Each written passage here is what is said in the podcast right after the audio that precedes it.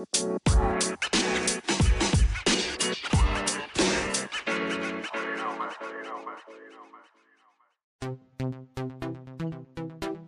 apa kabar semuanya? Dalam sesi kali ini kita akan membahas mengenai Corporate Social Responsibility.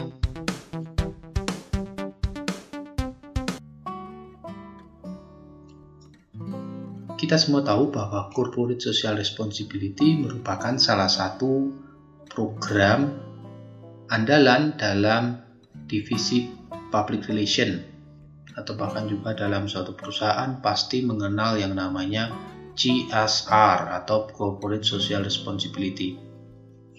Sebenarnya ada berapa bentuk sih CSR ini? Yuk mari kita simak bersama-sama. Saya ambil dari Kotler ini menyebutkan bahwa ada beberapa bentuk CSR yang dapat dipilih oleh seorang praktisi humas. Yang pertama adalah cost promotion ini kalau cost promotion ini perusahaan ini berusaha untuk meningkatkan awareness masyarakat mengenai isu-isu tertentu.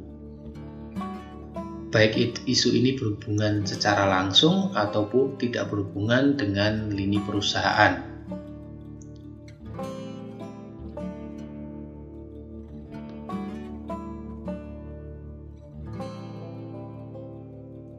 Di sini pula kemudian perusahaan mengajak masyarakat untuk menyumbangkan waktu, dana, dan benda mereka untuk membantu mengatasi atau mencegah permasalahan tersebut. Ini di dalam cost promotion ya. Perusahaan melaksanakan program, programnya secara sendiri ataupun bekerja sama dengan lembaga lain. Jadi intinya adalah perusahaan mengajak masyarakat itu concern atau peduli terhadap isu-isu tertentu. Bisa jadi itu isu kesehatan, isu lingkungan, isu sosial masyarakat juga bisa. Jadi di situ memperlihatkan peran serta perusahaan. Tentu saja perusahaan harus mencari tahu terlebih dahulu. Ini yang dihadapi masyarakat ini apa? Isu yang harus kita kembangkan itu apa? Nah, dari bekal sinilah, dari bekal inilah perusahaan baru melaksanakan CSR dengan bentuk cost promotion. Misalkan dapat kita lihat banyak orang yang kurang sehat, eh, banyak makan gorengan, kolesterol tinggi. Nah, ini mereka dapat kita ajak untuk lari maraton. Itu bisa gerak jalan bisa ini bisa. Berbagai macam bisa dilakukan dalam cost promotion ini. Nah bentuk yang kedua adalah cost related marketing.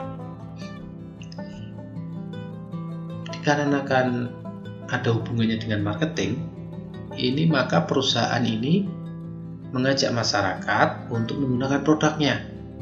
Baik itu barang atau jasa di mana sebagian keuntungannya ini dapat didonasikan atau disisihkan untuk mengatasi atau mencegah masalah-masalah tertentu. Misalnya saja setiap uh, bisnis penjualan produk ini nantinya akan didonasikan untuk yayasan tertentu, misalkan seperti itu bisa jadi. Kemudian bentuk yang ketiga adalah corporate social marketing. Kalau dalam bentuk ini, perusahaan ini mempunyai tujuan untuk mengubah perilaku masyarakat dalam isu-isu tertentu. Ini jadi ada perubahan perilaku. Bisa jadi tadi kembali ke bidang kesehatan, seperti mengurangi kebiasaan merokok ini bisa, atau juga untuk membuang tidak membuang sampah sembarangan bisa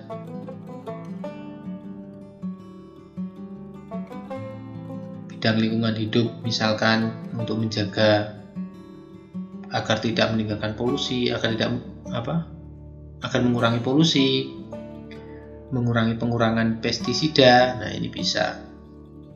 Atau bisa juga dengan keterlibatan masyarakat seperti pada saat pemilu ini ayo kita mencoblos terus nanti ada promosi siapa yang mendapat membuktikan bahwa ikut dalam pemilu maka dia akan mendapatkan diskon. Nah, ini bisa jadi. Bentuk berikutnya adalah corporate philanthropy. Nah, dalam corporate philanthropy ini dilakukan oleh perusahaan dengan memberikan kontribusi secara langsung dalam bentuk dana, bisa jadi jasa atau juga alat kepada pihak yang membutuhkan. Bisa jadi itu lembaga, perorangan ataupun kelompok tertentu. Corporate philanthropy ini juga bisa memberikan beasiswa kepada masyarakat atau anak-anak yang tidak mampu dalam membiayai sekolahnya itu bisa atau juga memberikan produk ini misalkan alat alat tulis pada mahasiswa ada siswa SD ya itu bisa. Kemudian bentuk berikutnya adalah community volunteering di mana ini eh, perusahaan ini mengajak karyawan ataupun masyarakat ini untuk ikut dalam satu tim yang dijalankan dalam rangka memberikan kontribusi berupa waktu dan tenaga untuk mengatasi isu-isu tertentu. Iya, jadi community volunteering.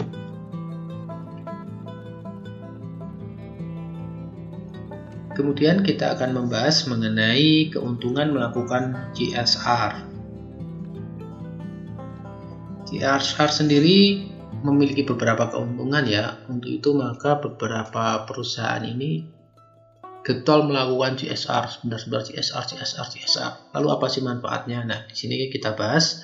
Yang pertama adalah mempertahankan dan mendongkrak reputasi dan juga image perusahaan. Ini yang paling penting dan biasanya ini merupakan target dari seorang PR. PR tentu saja ingin mempertahankan dan mendongkrak reputasi dan juga image.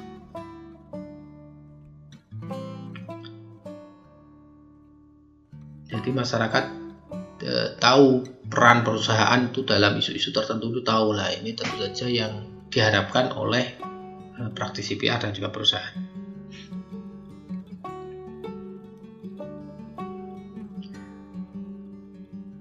Yang kedua adalah masyarakat ini merasa memiliki perusahaan.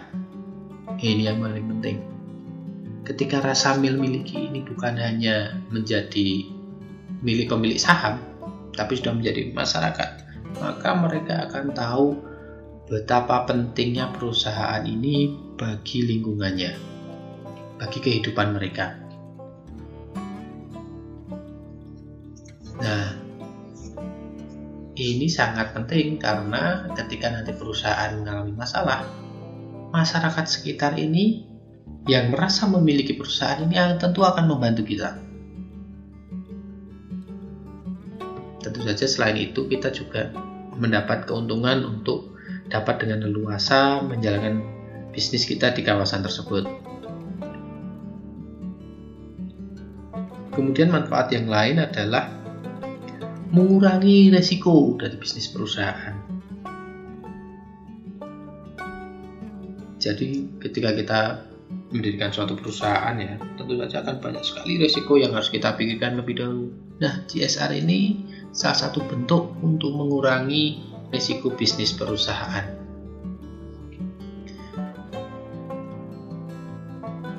Karena dapat kita ketahui ya bila ada permasalahan maka biaya untuk recovery jauh lebih berlipat apabila dibandingkan dengan anggaran kita mengeluarkan CSR. Nah, jadi CSR ini berperan sebagai langkah preventif untuk mencegah memburuknya hubungan dengan stakeholder.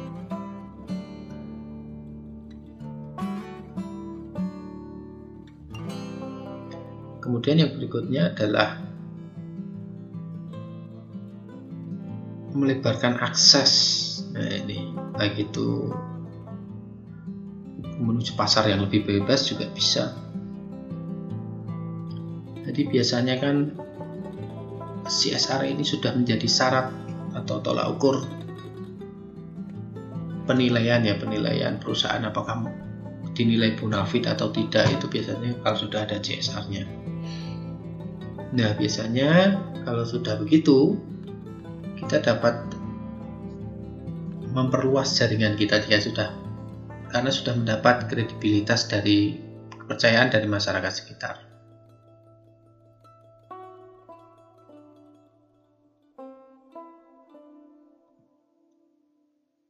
Kemudian berikutnya adalah memperbaiki hubungan dengan stakeholder. Ini juga bisa. Jadi jika ada suatu masalah misalkan itu kita bisa bantu mereka dengan program melalui CSR ini bisa. Selain itu juga dapat melakukan hubungan yang baik dengan regulator atau pemberi kebijakan seperti pemerintah. Nah, biasanya pemerintah pun mewajibkan bahwa perusahaan ini harus memiliki program CSR Kemudian yang berikutnya adalah meningkatkan semangat dan produktivitas karyawan. Jadi karyawan sendiri pun bersemangat ketika tahu bahwa perusahaannya ini peduli dengan mereka, peduli dengan lingkungannya, peduli dengan keluarganya. Ini yang menjadi sangat penting. Nah, ada pula peluang untuk mendapatkan reward reward mengenai CSR award biasanya seperti itu. Nah, itu tadi mengenai CSR ya. Jadi CSR ini juga merupakan salah satu bentuk tanggung jawab dari eh, perusahaan kepada lingkungannya. Tentu saja ini dilakukan bukan sekedar hanya untuk menunaikan tugas saja, tapi kita juga harus melihat bahwa perusahaan ini juga memiliki nilai moral untuk membantu orang, untuk membantu lingkungannya. Jadi bukan serta-merta hanya mengejar keuntungan. Sekian saja podcast kali ini. Sehat selalu dan salam.